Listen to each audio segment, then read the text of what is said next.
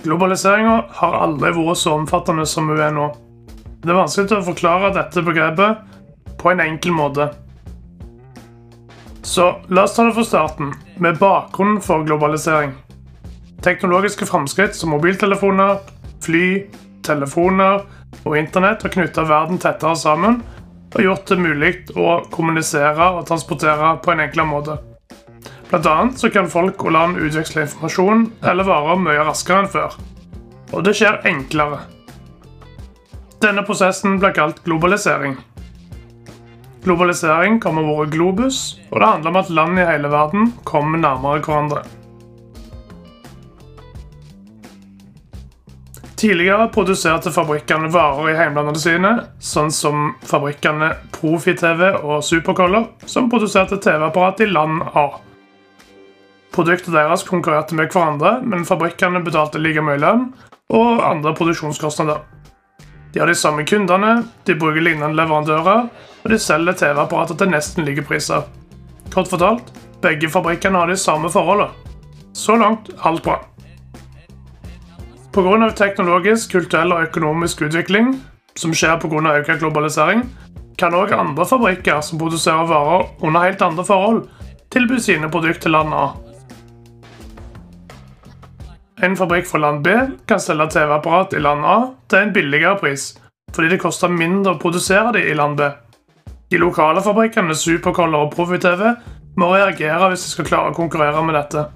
Og Dermed har verden grodd tettere sammen og de er nå en aktiv del av utveksling av varer mellom ulike land. Produkter er billigere og tilgjengelige for flere mennesker enn før. Det skjer ikke bare med produkter og varer, men det kan òg skje utveksling av tjenester, kunnskap, kultur og språk. Alle disse formene for globalisering er tett knyttet til hverandre, og de påvirker hverandre. Men der det er lys, er det òg skygger. Pga. globalisering og den intense utveksling av varer vil ofte folk og natur lide. Hvis en bedrift bestemmer seg for å flytte produksjonen til et fattigere land, så mister mennesker i de industrialiserte landene jobbene sine. Samtidig kommer det nye arbeidsplasser for innbyggerne i fattige land. Mange arbeidere i de fattige landene jobber for lavere lønn, sammenlignet med arbeidere i industrialiserte land. Derfor vil de ofte fortsette med å være fattige og enda ofte vil de mangle helseforsikring og andre velferdsgoder. En større ulempe med globalisering er miljøproblemer, som f.eks. klimaendringene. Bruken av fly, skip og lastebiler til å frakte varer over landegrenser øker i et kraftig tempo.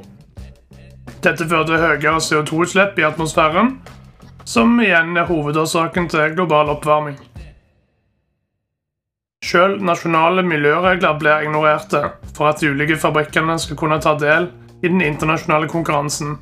Miljøtiltakene er nemlig dyre kostnader som en helst vil unngå. Og kostnadene bør være så lave som mulig for at bedrifter skal være attraktive. Derfor er det mange former for globalisering som påvirker nesten alle sider med livet ditt. Noe som sannsynligvis fører til både positive og negative effekter vil bli større med åra. Det er viktig å understreke at globalisering i seg selv ikke er verken bra eller dårlig.